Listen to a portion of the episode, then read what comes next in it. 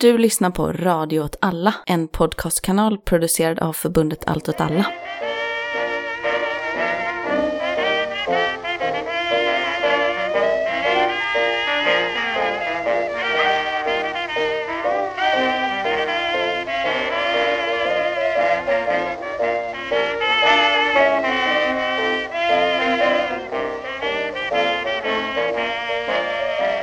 Hej, du lyssnar på Vad händer Gbg? En podd om lokalpolitik i Göteborg från ett vänsterperspektiv. Och med mig har jag Johanna Hallå! och jag heter Martin. Jakob eh, är tyvärr upptagen med att sälja sill och potatis så att han kunde inte vara med idag.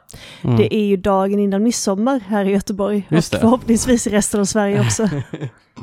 Om det inte gått ut något dekret så här, midsommarafton ändras i resten av Sverige.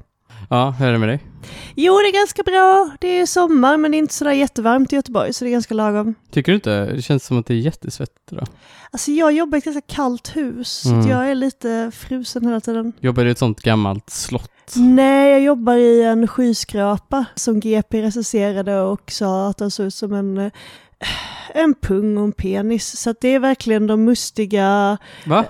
Sa GP att den såg ut som en penis? Ja, de gjorde en recension när den eh, byggdes 2019. Varför ska alla arkitekturrecensioner sluta med att eh, långa, stora hus ser ut som penisar? Jag vet inte, jag vet verkligen inte. Alltså jag förstår ju den falliska karaktären som många höga hus har. Men det är lite barnsligt att den här tendensen till att likna hus vid penisar. Alltså de är ju också, de är avlånga visst, men de är också ganska fyrkantiga. Alltså det är ju ändå... Ja precis, de har ju inte samma form. Sen jobbar jag ju också i eh, den lägre delen, eh, Mm. pungen. Pung har ju lite lägre temperatur så det är ganska Ja, kallt det. i mitt hus. Som inte är mitt hus utan på mitt jobb. Ja, vad trevligt. Hur är det med dig? Ja, men det är bra. Det var regn. Ja det igår. var ju det. det var ju härligt tyckte Ja. jag. Och jag var ute och vandrade samtidigt. Det är sån grej när man blir äldre att man varje gång eh, som någon säger att det är fint väder så måste man lägga till ja men det hade varit skönt med lite regn snart. Jag, jag har varit sån ända sedan jag var typ 19 år. Du har alltid varit sån bondepraktikern kille. Man är för landet. Så. Ja det är sant, det är sant. Jag, har- jag har ju semester nu. Ja fy fan vad gott. För att jag är lärare. Så Mm. att jag har ju åtta veckors semester över sommaren. Det är ju helt otroligt. Det finns ganska många trevliga museer du kan besöka. Mm? Har du varit på spårvagnsmuseet? Nej, det har jag inte. Nej, det är öppet på söndagar. Var ligger det? Det ligger vid Svingen. Dit går jag imorgon. Ja, men ska vi kicka igång kanske? Ja,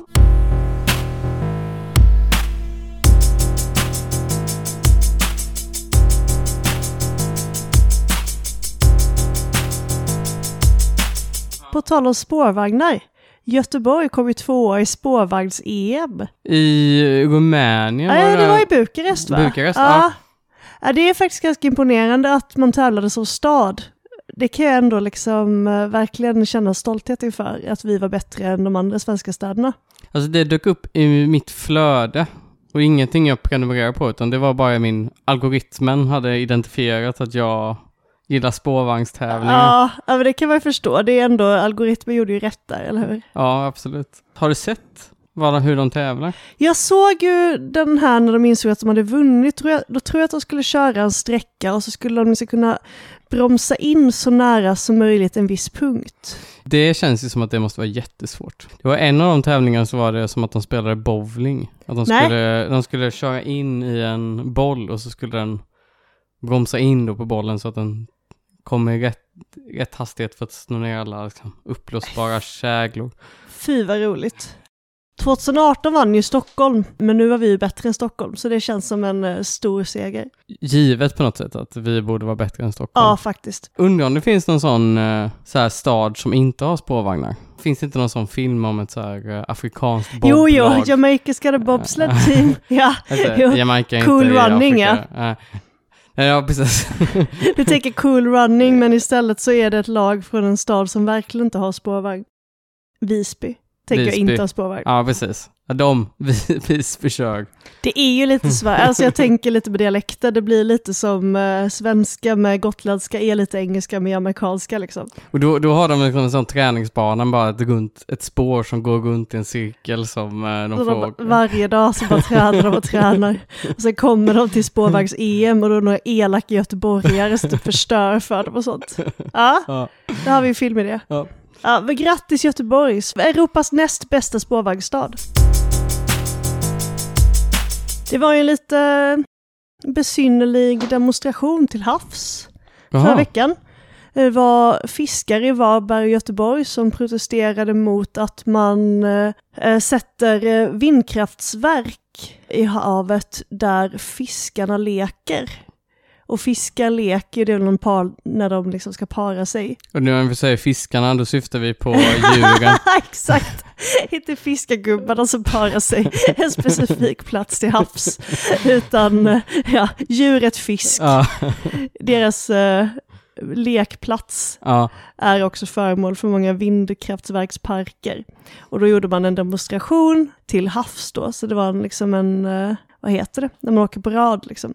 En eh, kortege. En kortege Ja. av eh, fiskebåtar. Men det känns ju också som att det kommer bli ganska mycket konflikter på västkusten om de här vindkraftverken. Det var ju även Uddevallas kommunpolitiker Mhm. hade gått ut och protesterat. Henrik Sundström, Mm. riktigt galen moderat på... Ja, han är Twitter. galen på Twitter ja. Ja. Helt galen. Ja, han har ju gått ut och sagt att det är fel med vindkraftverk. Men tydligen så är regeringen väldigt, väldigt inne på att godkänna vindkraftverk. Ja, ja, det får man ändå säga är relativt positivt, även om jag såklart förstår fiskarna. ja. Vi vill ju ha en fiskerivänlig podd, Vi- men vi är också för klimatet. ja det, är, det är en svår kombo, men vi, vi försöker vårt bästa. Ja, sen är det väl lite konflikter överhuvudtaget kring liksom fiskevatten och vem som ska Mm. fiska ur. Men de sa i alla fall det fiskare att vi börjar så här fredligt men annars går vi upp på barrikaderna och jag vet liksom inte riktigt vad de menar. Om de menar att de bokstavligen ska bygga barrikader annars. För att an-. Jag vet vad annars använder man ju, bar- alltså stå på barrikaderna Mm. använder man ju ofta bara för att man protesterar liksom. Men då menar de bokstavligen att om inte det här hjälper så kommer de börja bygga liksom barrikader i hamnen och bara köra. Men fredligt också, alltså det kommer, de kommer försöka, vi kommer se liksom de första upploppen till havs. Det är i och för sig häftigt att jag tänker, det flyger någon jävla fisk liksom. En krabba råkar illa ut. Hur bygger man ens barrikader? Bara ett jättelångt fiskenät typ? Ja, det är faktiskt, det skulle jag säga i början, absolut. Ja. Ja, Mm. Få- Fånga in polisbåtar. så Ja. politikerna får akta sig, annars Ja. kommer det aggressiva fiskarkravaller till sjöss i Göteborg. Det har varit debatt i kommunfullmäktige om massa olika saker såklart. Mm. Men den stora debatten i senaste kommunfullmäktige handlade om det vi pratade om i förra podden, den näringspolitiska strategin. Ah, Som man ska besluta om nu. Mycket upprörda känslor över den här. vad är det som är den stora tvistefrågan? Den nya kommunstyret med Socialdemokraterna, Mm. Miljöpartiet och Vänsterpartiet vill stryka alla hänvisningar till Svenskt Näringslivs kommunranking i den näringspolitiska Jaha, strategin. Och då baserar den på liksom hur Svenskt Näringsliv tycker att det är att bedriva företag i den kommunen eller? Ja, det är typ som att kommunrankingen är två tredjedelar eh, företagsenkäter och Ja. en tredjedel typ eh, statistik som de har valt ut som de tycker är viktigt. Typ skatter och sånt. Men också väldigt ofta att de ger olika förslag på hur man ska öka företagsvänliga klimat. Så det är liksom en polit, det är ju ett politiskt dokument. Ja, det är ju liksom lobbyverksamhet. liksom. mm. Och det vill kommunstyret ta bort då. Och det Tidigare- kan man ju förstå om man inte är höger, att man tycker att det är ganska konstigt att en liksom, höger eh, lobbygrupp ska få påverka ens eh, strategi i näringspolitiska frågor. Ja, det, precis. Det är ju inte så konstig position egentligen. Det som har gjort det väldigt, väldigt upprört är tydligen att det här är ett dokument som alla är i princip överens om det här dokumentet. Det Mm. har liksom skickats fram och tillbaka.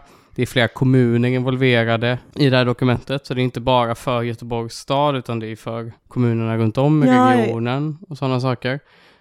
Och det här verkar ju vara den enda stora frågan, för att annars var det ingen debatt överhuvudtaget om det här dokumentet. Vilket jag kan tycka också är lite...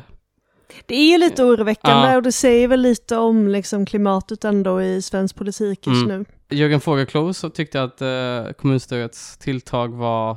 Jag tror att han sa hej Sovjet, eller någonting sånt. Det är klart han gjorde det. Det är klart han gjorde det. Martin Wannholt, Demokraterna, tyckte Mm. att det var odemokratiskt. Ja, det är odemokratiskt att de har ett förslag eller som politiskt parti invalda på ett demokratiskt sätt. Demokraterna menar, verkar ha väldigt mycket linjen att eh, det är väldigt dåligt för det finns massa tjänstemän som har tagit fram det här förslaget. Och nu, eh, det är väldigt elakt mot de tjänstemännen att komma in i sista stund och ändra. Jag trodde att eh, Demokraterna ville dra ner på, den, på liksom tjänstemännens makt och den liksom, kommunala administrationen. Inte när det kommer till Svenskt Näringsliv. Nej, nej okej. Inte när det kommer till förslag man är för själv. Men det känns också som att det måste vara minimalt arbete som eh, det här kräver också. För sossarna vill då ha en remiss liksom. Ja, framförallt så jobbar ju de på liksom kommunstyrelsens direktiv. Ja, Så det spelar ju faktiskt ingen roll. Alltså, det är väl antagligen ganska ofta som man i en kommunal verksamhet tar fram Mm. någonting som sen bara kastas för att röstas ner. det är också någonting som skapade mycket osäkerhet i debatten. För Jonas Attenius hade typ sagt i något i stil med att vi får se vad vi tycker om det ni beslutar här. Oj, oj, oj. Ja, det blev Axel Josefsson. Mycket oroväckande. Det verkar finnas en väldigt stor rädsla helt enkelt för liksom eh, den demokratiska den demokratiska känslan hos kommunstyret. Men det är väl lite som att Martin Wannholt tycker väl att eftersom de heter Demokraterna så är de de enda som får påpeka om någonting är odemokratiskt liksom. Han har lite hybris i den frågan. I förra avsnittet så hypade vi väldigt mycket kungens besök. Just det. Han var ju faktiskt i Göteborg när vi hade vår eh, kalashelg Mm. i första helgen i juni. Ja. Eh, var du där Martin? Eh, nej, jag var bortrest den helgen. Mm. Jag var ju inte heller där. Jag hade ju en ambition att stå där och live-rapportera. Eh, jag var lite för bakfull. Just det, för att du hade festat så mycket 400-jubileet Exakt, jag hade, innan. jag hade firat 400-jubileet så hårt så att jag inte orkade se kungen. Men jag har kollat på GP, Ja, återigen en liten kortege, men här var det en kungakortege. eh, och det från- var på land. Ja, det var Mm. från Götaplatsen till Gustav Adolfs torg, där Mm. kungen höll ett litet tal. Jag kom förbi några timmar senare när jag började nyktra till, såg att typ Säpo stod i stadshuset. Mm. Men jag såg den här filmen på GP, det var liksom, om, tänk, om du tänker dig den här vagnen som eh, Askungen åker i, som har varit en pumpa. Det var den typen av vagn som kungaparet åkte i. Oj, det låter jätte, jättespännande. Det är tydligen en av deras finaste vagnar, den har använts vid så här, deras barns bröllop och sånt. Men du, du, du får ju också så, vem är den magiska gudmodern som... Ja, vem är det? Ja, för jag menar alternativet är ju, jag skulle nästan föredra om det är en Mm. pumpa som blivit förvandlad till vagn, Mm. framför tanken att den här vagnen liksom blivit skeppad på typ en lastbil från Stockholm. För det känns otroligt oglamoröst liksom. Om man tänker de här liksom hundratals metrarna som, den, som kungen sitter i den, så är det liksom tusentals människor som står med flaggor och vinkar. Men sen resten av tiden så sitter den här vagnen bara i en lastbil och är ledsen. Typ som Brum, om du kommer ihåg honom, den lilla veteranbilen. Nej. Han här gula som vill åka på äventyr själv. För att han var trött på att vara i en verkstad. Det var ett barnprogram på 90-talet. Det, det kom en fin vagn, Mm. han höll ett tal, det var Var en det- jubileumskonsert. Var det ett bra tal? Jag fick inte tag på det. Men nå- någon skrev i GP, är det verkligen Göteborg vi firar eller är det kungen? Eh, någon annan skrev, har vi verkligen råd med kungen i lågkonjunktur? Eh, så att göteborgarna, vi är jätteimponerade av kungen. Alltså jag, han är ju inte en talare. Han är ju inte en talare. Han nämnde att det var 500 år sedan eh, Gustav Vasa eh, Det är så jubileum tätt år alltså. Ja, jag Äh, vet. det, Men tänk, alltså, Göte- Sverige fyllde ändå 500 år, det var ingen som brydde sig. är det verkligen ingen brydde sig. Men det är också för att det är så här, eh, Gustav Vasa valdes till kung i Strängnäs. Nej, vi har liksom ingen relation till det. Det var ju Nej. knappast, de flesta av oss är ju liksom team Snapphanarna och Nils Dacke. Ja, alltså, det är inte vår kung, det är ju Nej. liksom upplänningarnas kung.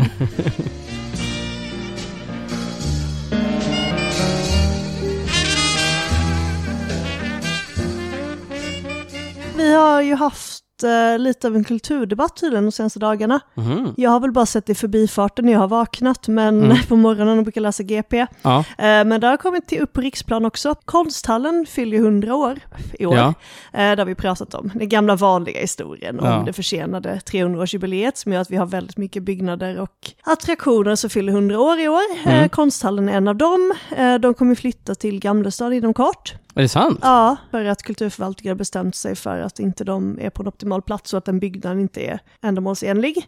Men de har i alla fall haft någon typ av firande på Götaplatsen. I det så har då det här Drömmarnas monument satts upp på Götaplatsen. Just det, som är av en konstnär va? Sebastian Rudolf Jensen, precis. Mm. Vi göteborgare har ju sett det här uppföras på olika platser under Mm. det senaste året. Jag tror att att först så stod det nere vid Drömmarnas kaj och sen så har det liksom det är en träinstallation där det står så här Få drömma plats i Göteborg. Mm. Och sen har det fyllts på med olika ställen, skrivet på träplankor, som eh, är hotade.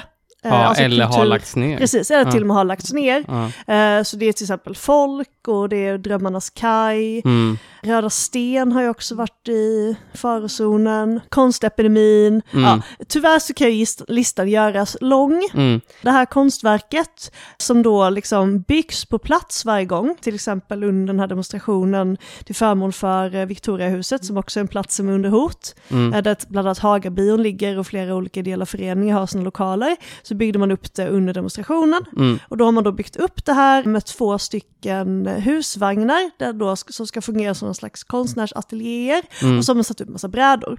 Ja, det, men det är ju väldigt, alltså tidigare har det ju varit, det är som att varje verk har blivit bara större och större. Men nu är det, nu är det liksom en, ta flera parkeringsplatser typ. Ja, och nu har ju liksom villapsykosen, eller vad man ska säga, slagit i taket. Jaha. Eh, Så nu försöker ju alla de borgerliga partierna, förutom Centerpartiet, stoppa det här. Eh, De är jätteupprörda över att inte liksom stadsbyggnadsnämnden ger liksom det här eh, ärendet på något sätt företräde för att kunna riva det i princip imorgon. Mm. Hampus Magnusson som då är vice ordförande i stadsbyggnadsnämnden, han Mm. har kallat det för ett migrantläger.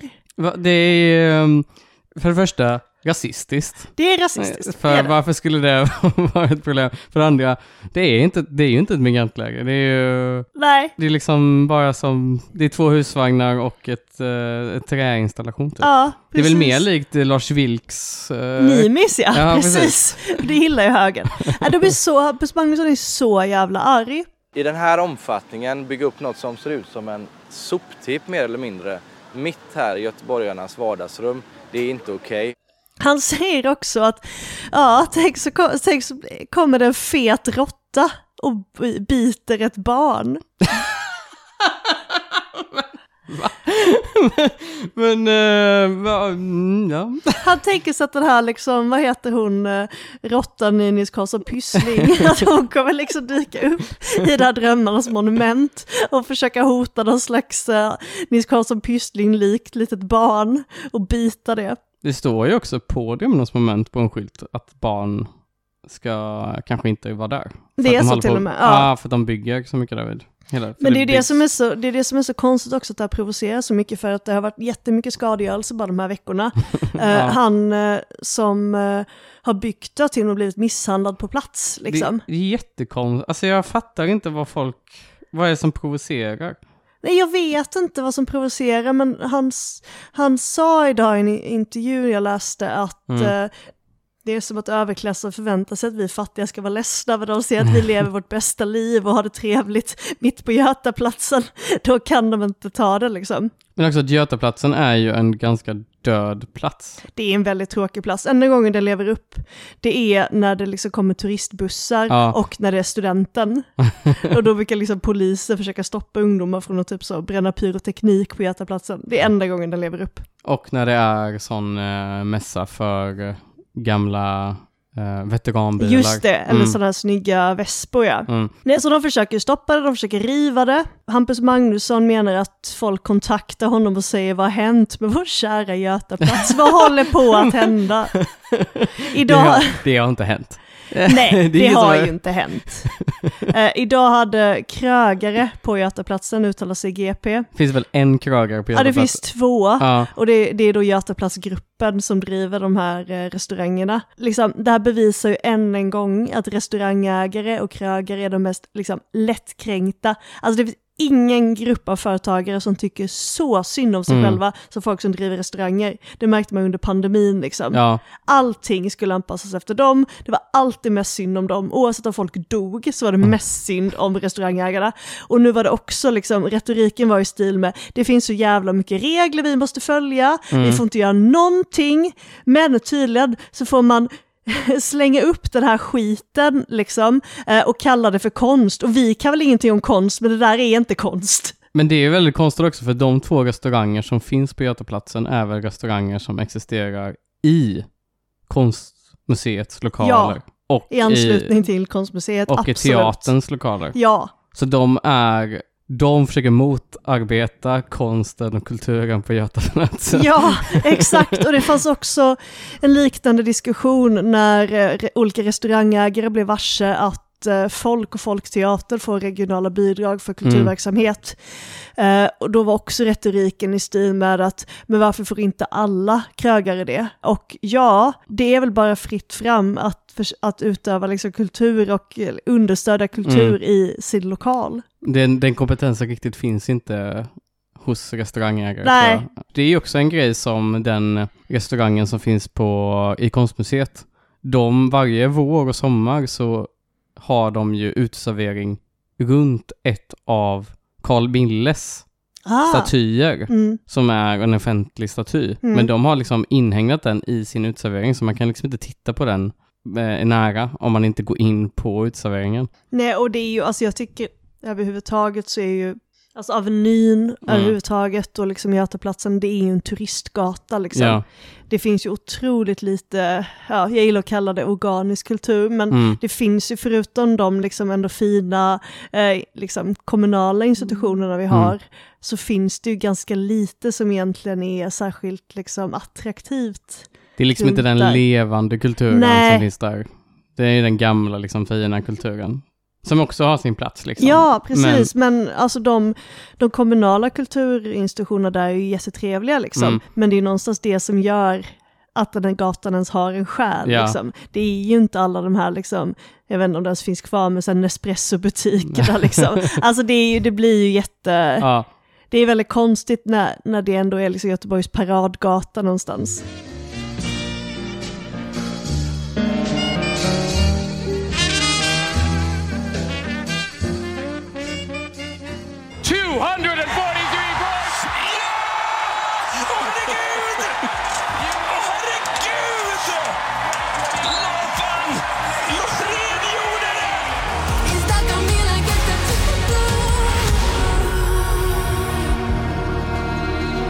I maj vann Sverige Eurovision.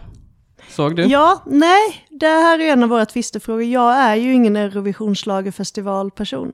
Nej, jag älskar ju Eurovision. Ja, du gör ju det. Du Ja. är... Vet du någonting om låten som vann? Ja, jag har ju hört något inslag på radio om att den är väldigt lik många andra låtar. Ja, det, det, ja. det, där, det, det där kommer alltid in. Lugn och förtal.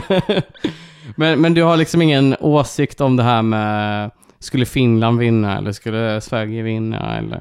Nej, jag tyckte väl, jag läste att han som vann för Finland hade fått gratis lägenheter. Mhm. Så det gick bra för honom också. Det, är det, det är så finnarna gör med någon Ja. som, som är duktig i Eurovision. De är, de är bara glada att de får vara med. Jag tänker det. Ja. det fram till Lordi vann så hade de inte haft så många framgångar liksom. Nej, de har vunnit en gång med Logdi. Ja, det var det. Ja. Ja, och alltid varje gång så ska det vara med någon sån här skämt. ja, men då är jag team Finland i det här då. Ja, Känns det bä- kän- har, jag, har vi liksom en, någonting att gå vidare på? ja nu har det? vi en, vi har en beef Ja, vi här. har beef här, okej. ja. I alla fall, det här har ju lett till att det finns nu en ganska stor dragkamp i Sverige Mhm. mellan olika städer om vilken stad som ska arrangera Ja, Eurovision just nästa det. år. Stockholmarna har till och med liksom dratt fram något, liksom, eh, någon joker här och säger att de ska bygga en helt ny arena. Va? Ja, ja, absolut. De, Ja. de, är, de är verkligen in. Det är ju, Göteborg har ju kastat sig in i ringen, men det är Mm. Stockholm, Malmö och Örnsköldsvik. Nej! Jag vet. Det är verkligen ett sånt wildcard, Örnsköldsvik. Extremt wildcard. Det är en stad som jag faktiskt helt ärligt säger att jag vet ingenting om. Det bor 30 000 invånare i Örnsköldsvik. De har arrangerat Melodifestivalen några gånger. Mm. Och det har ju de flesta medelstora städer liksom. Ja, de har ju, de blir oftast, är väl oftast den staden som arrangerar i Norrland. Ah, Så att de får liksom hela de får hela Norrland där. Jag tittade upp på Google Maps. Mm. Det fanns två bagar i staden. Och de kommer i så fall bli hårt ansatta av diverse... Vilket land älskar Eurovision mest? Är det tyskarna? Det är, det är ju Sverige som Det är svenskarna som älskar. Eurovision mest. Ja, men, det, men det är väl väldigt populärt liksom i allmänhet. Mm. Så här, britter, tyskar, Ja. italienare. Det, är- det är alla sorter. Amerikaner dyker också upp. Känns, ja, känns som mycket holländare också. Det är ju Bishop Arms, ena Ah. baren. Såklart. Och Golden Bar. Golden Bar. Sen finns det säkert på hotell eh, och sånt. Och restauranger som också Har Stordalen ett hotell Oj. i Örnsköldsvik. Åh gud, det vet jag inte. Jag borde ha kollat upp Ja. detta. Jag vet faktiskt inte, men gissningsvis ja. Antagligen. ja. Problemet för Göteborg, Mm. vi har ingen arena som passar uppdraget. Vi har inte det alltså. Inte ens är Skandinavium med i en pissarena, det har vi redan konstaterat för länge sedan. Ja, alltså, det har ju, vi har ju pratat om det tidigare, om Mm. att Skandinavien inte håller för världsartisterna. Nej. Och inte heller för Eurovision. Inte ens Eurovision. Det stora problemet är taket. Jaha, Man tror inte att Skandinavien kan hålla vikten som är all ljusutrustning som man Nej. använder på Eurovision. åh herregud. Det är riktigt, riktigt sottigt. Alltså det är så dålig kvalitet. Men jag tror att eh, det var på Skandinavien som Eurovision var 1985. Jag kan ha Mhm. fel. Men då var nog ljud, ljusutrustningen inte lika avancerad. Mm, eller så var det på ett annat ställe. Men Göteborg hade Mm. det ju 1985 senast. Jag har ju då stått utanför Skandinavium delat ut flygblad eh, mot eh, Eurovision när det året det var i Israel. Jaha, utanför Skandinavien specifikt? Ja, Jaha. väldigt många i paljetthattar blev ledsna. Man har ju tänkt att lösa det här problemet i Göteborg. Man ska med- förstärka taket. Ja, men det försöker man göra för att få Eurovision. Men Mm. generellt sett försöker man ju lösa problemet i Göteborg med att bygga en ny arena. Ja, det är ett jävla projekt det. Och det har skjutits upp jättemånga gånger. Mm. Och jag kan tänka mig att de på Gott Göteborg Event, eller vad fan det heter, Mm. ja, eventföretaget, eh, företaget, att de är jävligt irriterade över att vi vann just i år. Mm. När man precis nu har beslutat, äntligen, att eh, arenan ska ligga. Och vi vet ju att den här arenan kommer bli den nya Västlänken. Idag kom ju en Ja. nyhet senast om att uh, Annedals, liksom, eller vet du det, Haga-stationen, Hagatappen kommer inte bli klar liksom i Nej. tid. Eh, det kommer bli samma med den här jävla arenan. Man ska riva Valhallabadet. Ja just det ja, precis. Mm, för detta, för att man vill inte riva Skandinavium. Man vill ändå låta det stå där. Ja, så att, eller man, tanken var ju att man skulle riva Skandinavium, Mm. men man vågar inte riva Skandinavium. Man förstår. För då kommer inte liksom Iron Maiden Nej. spela... Äh, då spelar vi för sig på Ullevi väl? Ja, nej men ja, precis. Men problemet är att, liksom att då alla de artister Ja. som inte kommer till Göteborg för att det är för dålig arena, Mm. att man vill, vågar inte ta bort det för det skulle skada för många olika event. Och såklart hockeyn. Hockey, ja precis. Ja, det är ju blivit väldigt upprört för de eh, simmarna såklart. Ytterligare ett exempel på där man väljer eventstaden före andra intressen. Ja, framförallt så är den av ganska stort kulturhistoriskt värde. Den är jättefin den. Mm. Men som du säger, Stockholm har föreslagit att bygga en tillfällig arena. Vet du vilket vad Vadå området en heter? tillfällig arena? Vad innebär en tillfällig Det arena? är helt sinnessjukt. Vilket material gör man det i? Men alltså då vill man ju ha Eurovision om man är beredd att bygga En, en... tillfällig, ja. Det är ju helt är helt sinnessjukt. sanslöst. Vilken stadsdel? Den heter Frihamnen. Jaha, men det är ju vår stadsdel. Ja, jag tänkte det också. Jag hatade Stockholm har stadsdelar som har samma namn som våra. Ja, men det är alltid så. Haga, Ja, ja. Vad håller de på med? Alltså det är oerhört frustrerande Mm. och jag tittade också på, eh, på Kulturnyheterna sa de Frihamnen. Som om det bara var så som det heter. Inte men- Frihamnen i Stockholm. Nej, nej, men så är det alltid. Ja, Så fort någon anger en gatuadress utan stad så är det alltid Stockholm. det här är förslaget, Stockholms alltså. Mm. Det stöds av eh, Stockholms handelskammare och Visit Sweden. Ja, det är klart. Det finns liksom inga... Det är liksom när man utarmar Göteborg och sen så ska alla resurser riktas mot Stockholm. Visit Sweden är svenska statens turistföretag. Mm. Va, vad är det? Varför tar de ställning i den här liksom hårda kommunala striden? Ja? Också turism i Stockholm behöver, alltså är det Nej, det behövs inte Sweden? fler turister. Vad är nästa steg? Att eh, svenska staten ska gå in och stötta Stockholm i spårvagns-EM nästa år också? Eller? De, precis, Stockholm blev väldigt ledsna över att de inte... det har varit lite tufft för Stockholm. Samtidigt, Stockholm och Göteborg vill inte lägga pengar på det här arrangemanget. Nej. Stockholm vill bara bygga en helt ny arena, men de vill inte att det ska kosta pengar. Okej, hur ska de lösa det? Alltså, Stockholm vill ju att man ska finansiera det tillsammans med SVT och den svenska staten. Ja. Göteborg är man nog lite inne på en liknande lösning. Mm. Eh, Malmös argument har ju varit att de är duktiga på att hålla ner kostnader. Ja, det är, det- jag, jag håller ändå på Malmö det här. De arrangerade Eurovision 2013. I Välkommen till Malmö, senaste avsnitt, Mm. så sa de att Eurovision i Sverige, i Malmö, var årsskiftet 2013-2014. Och då vill jag vara väldigt Det måste tydlig varit i med. maj, eller? Ja, Eurovision är alltid i maj. Ja. Och det var Kalle i Välkommen till Malmö som Mm. sa det. Och jag vill bara säga då att det är, det är helt fel. Och vi står inte bakom sådana okunniga uttalanden om Eurovision. Nej, det här är kanske ingen Eurovision eh, positiv podd nödvändigtvis, men det är en, eh, en podd som håller fakta väldigt högt. Ja, fakta Mm, före mm. trams. Exakt. Ja. Men det är ett problem att finansiera det tillsammans med SVT, för SVT kommer också ha mindre budget nästa år. Mm. De har ju minskat uppdrag, och- eller vad fan det är. Någonting är det va? De ska ha mindre pengar. Allting har mindre pengar. Mm. Så då kanske vi ska ge det till en stad som verkligen vill ha det. Örnsköldsvik. Örnsköldsvik. Mm. Ja, det, det tycker, där tycker jag du ska sitta. Men jag, jag tycker ändå det har varit liksom en, det är ändå en bra grej. ja, Att liksom höja en liten kommun så den får känna sig viktig för en gångs skull. Istället för att bara lägga allting i Stockholm, Göteborg, Malmö. ja, men men det skulle vara jättetrevligt. Man kan, eh, vi kan använda, vilka pengar kan vi använda? Ja, det finns väl säkert någon slags liksom eh, Norrlandsbidrag. Eller, eller så gör vi så här, att Örnsköldsvik bara lägger ner all välfärdsverksamhet Mm. i liksom bara det här året. Så om eh, du vill titta på Eurovision live nästa år kan man träffa mig på Golden Bar. På väg, på väg till Örnsköldsvik Började som fattig och slutade som rik På väg, på väg till Örnsköldsvik Jag läste en nyhet förra veckan på tal om eh, Götaplatsen och konsthallen att eh, Göteborgs konstmuseum har svårt att betala hyran. Jaha, är det på grund av vad?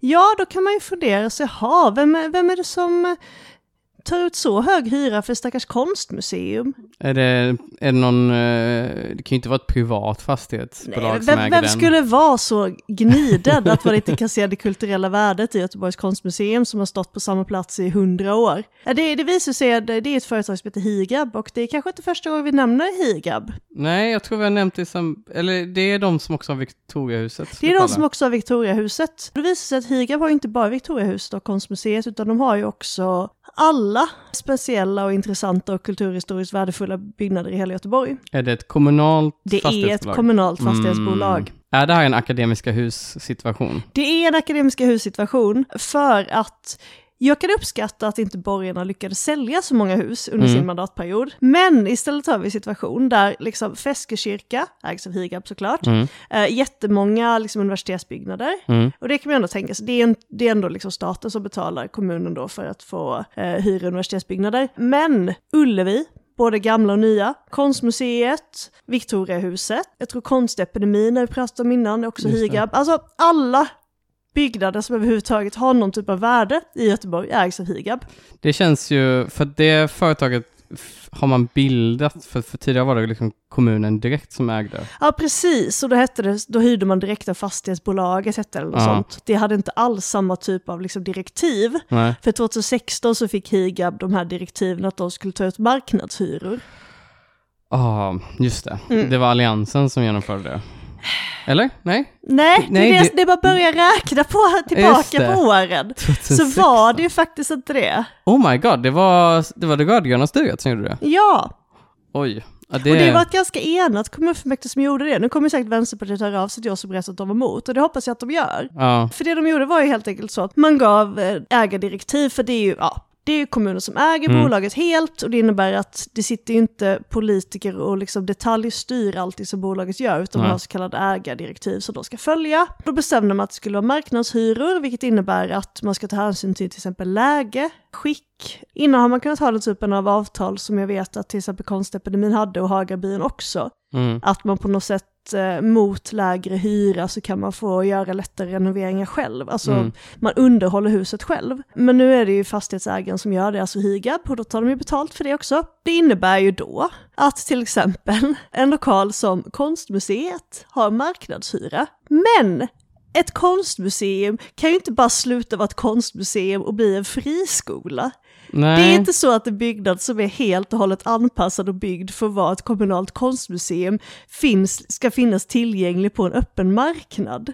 Alltså, man, man ställer ju frågan, hur exakt ser konstmuseimarknaden ut i Göteborg? Nej, vad är det egentligen där som liksom på något sätt är en helt liksom vanlig marknadsansatt verksamhet. Kan du ens nämna ett till konstmuseum i Göteborg? Alltså ett Jag åkte båt förbi Eriksberg häromdagen och såg Mm. att det skulle vara att de har en utställningshall där, så kommer ha någon Banksy-utställning Ja, som känns det. väldigt så dystopiskt. Alltså gallerierna helt ja, enkelt. Ja. exakt. Eh, och det är samma gäller i Ullevi. Ja. Alltså förutom då, ja, det finns två Ullevi. det finns två Ullevi. varandra. Fotbolls-Ullevi. Då är, det ett problem, då är det ett problem att det är samma företag som äger båda Ullevi. Ja, det blir lite monopolställning Precis. över Ullevi. är det, är det fotbolls-Ullevi eller är det konsert-Ullevi? Eh, jag tänker att det finns ju redan en konflikt på fotbolls-Ullevi kring det här med gräset. För att det är för många lag som spelar där. det är Just ju också det. hemmaarena för svenska damlandslaget. Man kanske ska låta ett annat kommunalt bolag äga... Gräset. Så kan man, det, den, den, det är fotbollsförening som kan betala mest, kan man spela mest fotboll på eh, det gräset. Nej, och det här gör ju också att det blir en helt sjuk omfördelningspolitik. Mm. För att man fördelar då medel från till exempel företrädesvis kulturförvaltningen in i liksom det här bolaget. det så ju... kommunen Det, det ju biter sig själv bokstavligen i röven. Liksom, det är ju i gång praktiken- på gång. I praktiken är det ju en nedskärning liksom. Ja, Att, så här, eh, ett sparbeting liksom, genom vinst. precis. Mm. det finns ju ingen anledning att och liksom konkurrenspröva det här. För de menar ju såklart, Higab själva menar ju såklart att de hade brutit mot kommunallagen och liksom Mm. eh, aktiebolagslagen och liksom konkurrenslagen om de inte hade använt den här hyresmodellen. Men det finns ju andra hyresmodeller, för man kan ju, det ska i Higabs ägardirektiv finnas specifika uppdrag att de ska tillgodose lokaler för kultur. Men, och det där argumentet blir också så konstigt, för att det är ju, okej, Higab är ju ett offentligt, alltså de syfte, det, det finns, om man tycker att det finns ett värde i att det finns liksom offentligt ägda fastigheter Mm. av olika skäl, då är det väldigt konstigt att tycka att så här, men de får inte använda de här fastigheterna för att göra si eller så. För att inga andra fastighetsägare har ju de begränsningar. De får ju sätta vilka hyror de vill. Ja, och inga andra fastighetsägare är ju tvingade att hyra ut lokaler som bara kan användas i ett, till ett ändamål. Nej. Liksom. De kan ju de kan göra vad de vill med sina lokaler liksom. Men här har vi ju lokaler som finns för ett ändamål och då är det absurt att låtsas att, att de kan liksom, att det skulle finnas en konkurrensfördel då för, för eh, Göteborgs konstmuseum om de inte får en jättehög hyra. Men det är ju också konstigt att tänka sig att, att så här, det allt kommunen gör begränsar konkurrensen. Men Mm. om, säg att, om vi tar Robert Dickson stiftelse till exempel, som är ju är en eh, privatägd Mm. stiftelse eh, för att, eh, nu funkar kanske inte det så bra i praktiken, men om vi utgår från att någon typ av social housing modell typ, liksom i, i Göteborg. Om de skulle inte välja att ta ut den högsta hyran, möjliga hyran, som de kan göra, då snedvrider ju de konkurrensen enligt det här sättet Mm. att tänka. Men de får göra det för att de är privata. Alltså jag tycker det, det är ju en väldigt så här bisarr...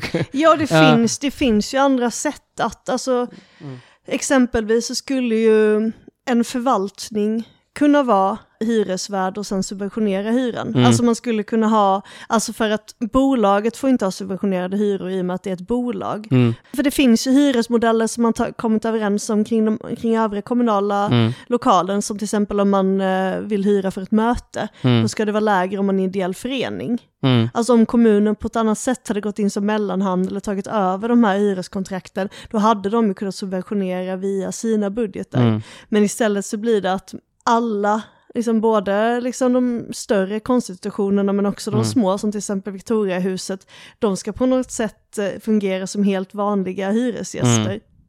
Eller som helt vanliga företag. Alltså Mm. det är en helt absurd situation. Och jag tycker det säger ganska mycket om liksom, vad som händer när man försöker driva kommunen som företag. Ja, och det blir ju också så här att okej, vi har, har inte sålt Victoriahuset till de privat fastighetsägare för att vi tycker det är viktigt att den är offentligt ägd. Mm.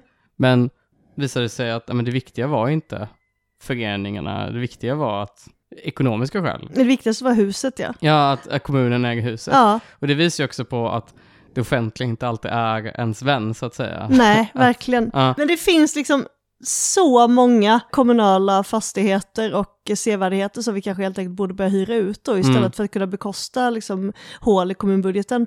Vi kanske Ja. skulle kunna bygga ett litet hål i Poseidon. Just det. så skulle Higab kanske kunna hyra ut det då till eh, Götaplatsfamiljen och så kan de ha en, en liten restaurang där på toppen. Eller eller så börjar man helt enkelt ta ut hyra för Poseidon-statyn. Det skulle man kunna göra, Ja. precis. Vi skulle kunna ringa in det. Eh, eller liksom, vi skulle kunna sätta ett staket runt och helt enkelt ta betalt för alla som vill fotografera sig Mm. vid Poseidon-statyn. Det har man ju gjort nu faktiskt. Eh, det finns ju de som ser värdet i pengar och det är ju Karlatornet. Mm. Det kommer ju kosta typ 300 att åka upp dit. Är det så? Ja, det är världens sämsta. Det, då, är det, ju- då är det ju billigare att åka eh, fritt fall på Liseberg. det är ju billigare att åka fritt fall på Liseberg. Men det här är en absurd situation och jag tänker att eh, jag tror inte att den här situationen kommer gå att reda ut om inte eh, styret faktiskt ändrar Higabs ägardirektiv. Nej, gör om, gör rätt Göteborg.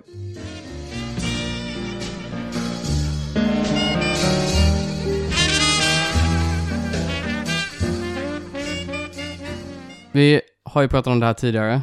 Stora nedskärningar väntar i Göteborg. Just det. I grundskolorna och eh, i gymnasieskolorna Mm. framför allt. Det är inte första gången skolorna är i fokus. Nej, det är lite konstigt med tanke på eh, hur stor del skolorna kanske är i stor del av liksom, eh, politiken för att eh, faktiskt ha ett hyfsat samhälle. Ja, de, de är, många tycker ju. Mm. Många har sagt att eh, skolor är viktiga. Och även eh, politikerna gör ju det. Ja, de gör det ofta precis, de vill gärna vara ett skolvänligt parti oavsett vilket parti det är. Fackförbundet, Sveriges lärare, hade ju en manifestation mot det i maj. Hade de. Ja, var du där? Vi träffades där. Ja, jag vet. jag tänkte, tänkte göra det lite så, ja, jag var där och du Ja. var också där. Men Precis, ja. sjukt. det var ju lite konstig situation för den lokala ordföranden för Sveriges lärare i Göteborg Mm. i sitt tal var väldigt kritisk mot ordföranden i Sveriges lärare centralt som också var där och höll Var det tal. Åsa Fahlén eller heter hon? Åsa Fahlén är ju från, eh, ja, precis, på riksplanet. Ja. Ja. Så, men sen var det också någon i Göteborg, Sveriges Mm. lärare, som sa att, eh, i princip sa att avtal, kollektivavtalen var väldigt dåliga. Och sa, det är också något man kan tänka på, Åsa. Det var i lite spicy. De här nedskärningarna ska då genomföras. Grundskolenämnden och utbildningsnämnden, det är två olika nämnder. Mm. Så man, grundskolan är en nämnd med Ja. en förvaltning och utbildningsnämnden som ansvarar då för gymnasiet Mm. och eh, Gymnasiesärskolan. Ja, och vuxenutbildningen Mm. är i utbildningsnämnden. Det är lite konstigt att man kallar det ena för grundskolenämnden och andra för utbildningsnämnden. För grundskola ingår ju uppenbarligen i utbildning. Ja, Det borde ju vara någon form av mer, något specifikt där också. Gymnasie och vuxenutbildningsnämnden. ja. Gymvux. Och då har man skickat till sina förvaltningar förslag på hur man ska genomföra Mm. de här eh, besparingarna. Och grundskoleförvaltningens förslag, det är att man ska spara genom att 60% av alla besparingar är minskad bemanning. Kommer man ge folk sparken eller är det att uh, timvikarier och sånt kommer ses upp? Timvikarie är en ytterligare en punkt. Så Ah. det är, mestadels är ju att man, alla som tar går i pension eller slutar. Ja, och då Att- anställer man inte nya. Att, För Göteborgs stad har ju ganska bra anställningsvillkor. Mm. Eller de, vill, de har ju ett särskilt avtal. Ja, de har någon egen, eh, Mm. liksom, ja, egen anställningstrygghet som gör det väldigt Mm. svårt att få sparken. Men oavsett så, så eh, är, så- i princip så ska man införa ett anställningsstopp. Och i värsta fall göra sig av med människor. Och då ska de, har ju också fått uppdrag, eller måste de såklart så beskriva, vilka konsekvenser kan det här få? Och säger grundskoleförvaltningen så här. Det här är lite, det här är lite så förvaltningsspråk. Ja. Så. Ja. Förvaltningen bedömer att det finns risker för verksamheten i samband med åtgärdsarbetet eftersom det krävs en omställning av verksamheten. Därav är det viktigt att rektor tillsammans med sina medarbetare ser över arbetsformer och organisation kan anpassas för att förhindra negativa effekter för elever och medarbetare. Förvaltningen kommer att stötta rektor i syfte att ge rektor goda förutsättningar att anpassa sin verksamhet till gällande budget. Och då pratar vi alltså 31 miljoner Mm. i minskade personalkostnader. Det är så mycket pengar. Det är väldigt, väldigt mycket pengar. Mm. Jag minns när jag jobbade på kulturförvaltningen tror jag det var, Mm. och det var neddragningar, att då, blev, då fanns det liksom inte hela rullar av toalettpapper, utan allting var liksom så redan eh, för, portionsförpackat, vad jag på man fick liksom en liten bit i taget. Hur, hur är det ens möjligt? Alltså, Det kan man tänk- köpa mindre Det är mer som liksom en servetthållare Jaha. än en hel toalettpappersrulle. Men varför skulle det vara billigare? Ja men det är väl antagligen för att människor inte använder lika mycket då. Ah, just det. Det... Ja, så det är ju en, nedskärningsåtgärd. Det är ändå, det är ändå, en, eh, det är ändå en detaljnivå som jag ändå gillar. Ja. Alltså det är så eh, otroligt sniket. Det är otroligt, ja verkligen. Kaffekopparna blev, alltså själva mängden kaffe man fick var, blev plötsligt mindre också. Det som är eh, lite intressant med den här förvaltningens utlåtande är att det är väldigt, väldigt, men det är väldigt snömosigt. Mm, Alltså man förstår ju att det kommer få ganska Precis. negativa konsekvenser och att rektor ska få för hjälp att förhindra negativa effekter när man förlorar. jättemånga Ja, fler, anställda. ja. Mm, Det känns spontant som att det är ganska, lite snömos. lite. Då är det ganska intressant att läsa utbildningsförvaltningens utlåtande. Mm, är de lite mer spicy? De är lite mer spicy. De föreslår några olika åtgärder för att minska budgeten, få budgeten i balans. Man ska minska marknadsföringskostnader. För gymnasiet så måste man marknadsföra skolor. ja, det fria skolvalet. Mm. Man ska stoppa kompetensutveckling för personalen. Ja, ja. Mm. Man ska stoppa inköp av läromedel. Mm. Står så här, förvaltningen föreslår att skjuta upp samtliga läromedelsinköp i den mån det är möjligt till kommande år. Så att man ska i princip sluta köpa in. Och sen anställningsstopp, Mm, såklart. Mm. Där de stora pengarna finns. såklart. Och så skriver de så här. Den föreslagna åtgärden riskerar att få betydande konsekvenser inom gymnasieverksamheten. Och den första punkten de nämner är måluppfyllelse för elever. Förvaltningen bedömer att det finns risk för att genomförandet av föreslagna åtgärder påverkar måluppfyllelsen, alltså godkända Mm. betyg och liknande, Mm. för eleverna negativt.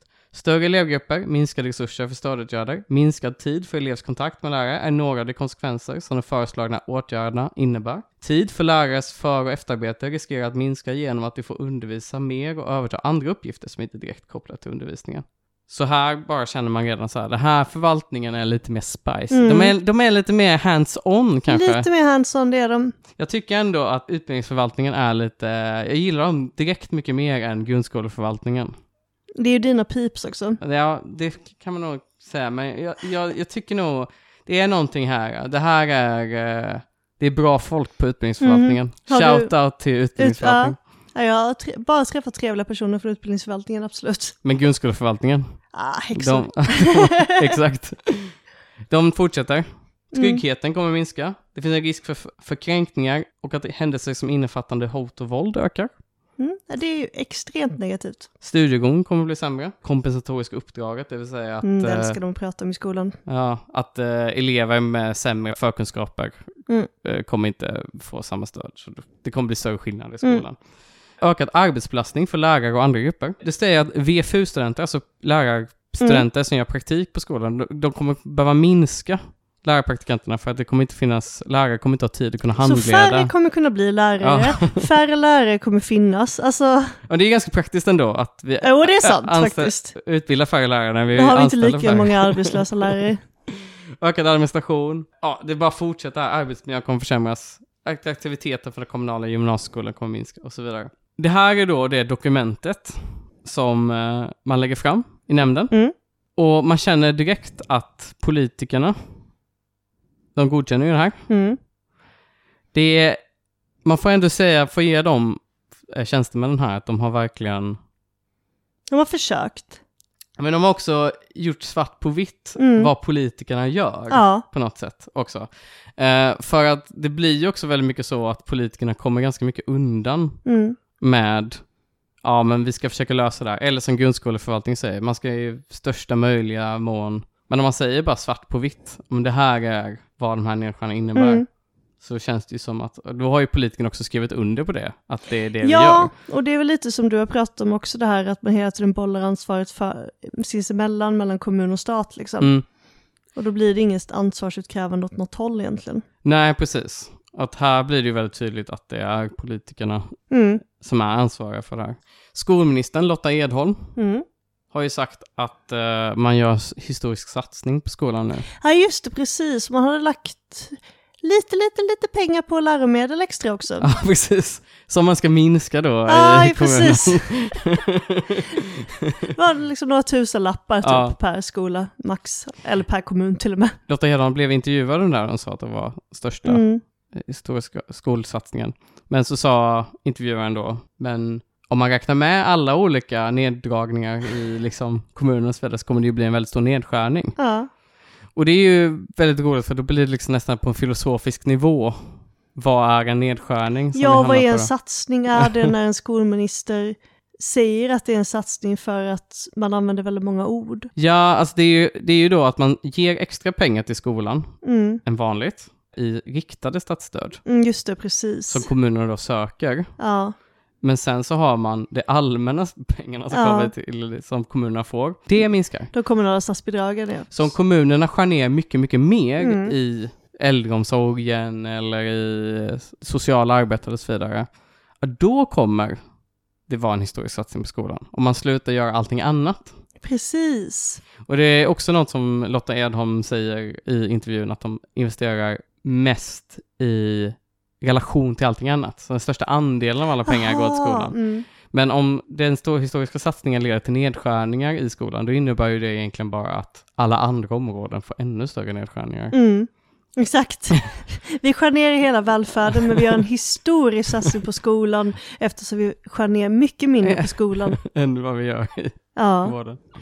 Ja, Och alla de här eh, liksom barnen och ungdomarna som växer upp nu, mm, det har vi pratat om innan när vi pratade om budgeten, att mm, det, det är så många år som gått förlorade nu av pandemi och Mm. nedskärningar, att eh, vi kommer ju ha en jättestor liksom, utbildningsskuld till Mm. eh, hur många års kullar som helst. ja, och då återkommer jag nog till den här eh, punkten som jag pratade om tidigare.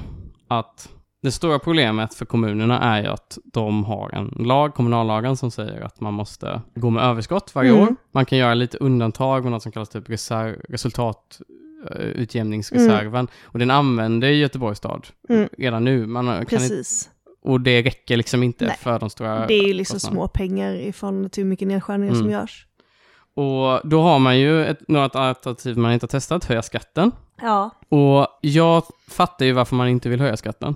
För att när priserna går upp jätte- jättemycket så är det kanske inte så schysst mot folk. nej, för det är en plattskatt. ja. Ja. Så det drabbar liksom framförallt även de som har svårt att få ekonomin att gå ihop. Mm. Men jag funderar på om man inte kan höja skatten. Lite åtminstone. Ja, med tanke på hur akut situationen är i skolan.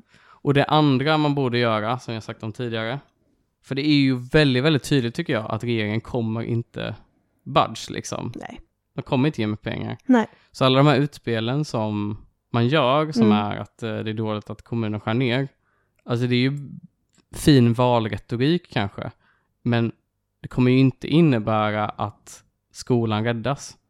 Och då kanske jag tycker det skulle vara smartare av det rödgröna styret att vara så, okej, men då bryter vi mot lagen. Ja, För ni har inte gett oss förutsättningar för att eh, bedriva den verksamheten som vi enligt lag måste bedriva. Okej, men då måste vi välja någonting. Mm. Ska vi följa skollagen eller ska vi följa kommunallagen? Ja, precis. Ja, Och då kan man ju tycka att skollagen borde väga tyngre liksom. ja. Uppmuntrar igen Ja, kommunpolitiker. de vill ju inte det här. De vill inte att vi säger det här heller. Bryt mot lagen. Precis. Ni måste inte följa de här reglerna. Och, alltså, och vad, vem ska jag då stå emot? Ska Moderaterna stämma kommunstyret? Ja, låt dem.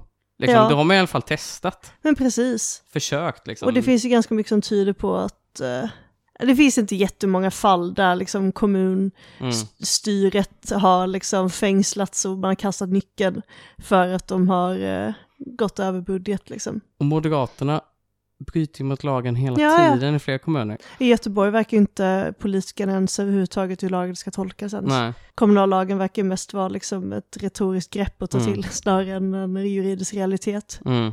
Och i Malmö så bryter de ju Moderaterna mot alla lagar.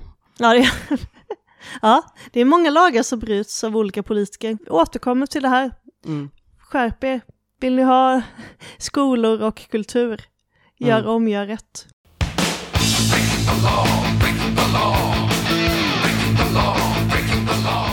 Vi har ju en liten tokig idé också, Just som det, vi planerar i höst, i september. i september. ja. Eh, Då kommer Allt Göteborg ha en så kallad stadskampvecka. Vad är det för någonting Martin? Eh, Det är väl en vecka då, vi uppmärksammar frågor som rör stadsutveckling och Mm. demokrati i staden, bostadspolitik. Kultur i staden? Ja, precis. Alltså eh, vilken stad vi vill ha. Mm. Kampen om staden, stadskamp helt enkelt. Precis, och då är det ju så här att i Altal Göteborg så finns det ju några personer som är extra intresserade av kommunpolitik. Ja, det är väl du och jag då. Ja, det är du och jag och Jakob. Ja, eh, vi tänkte därför att som en del av den här stadskampsveckan så kommer vi köra livepodd på en krog i centrala Göteborg. Vi Ja. vet inte vilken än, men 8 september. ja precis. Så boka in i er eh, kalender 8 september. Då kör vi en livepodd någonstans. Någonstans. Det in the, in, it's in the works kan man väl säga. Precis. Ja, Men det kommer finnas öl, ja eller vin, förhoppningsvis. Alltså, Eller- mineralvatten. ja, så, så boka redan in Ja, nu. vad händer Gbg live? Vad händer Chan- Gbg? Chans Livepodd. att se oss utanför Twitter och bortom gatan. Man kan följa dig på Twitter som uh, kattvetare. Precis. Jag heter attweetsfranhalet. Och eh, man kan mejla oss på goteborg at altatalla.se. Så är det. Ja. Eh, och glöm inte att stötta oss på Patreon. Mm. Och så får vi väl säga tack och hej. Så hörs vi när det är varmare. Yes.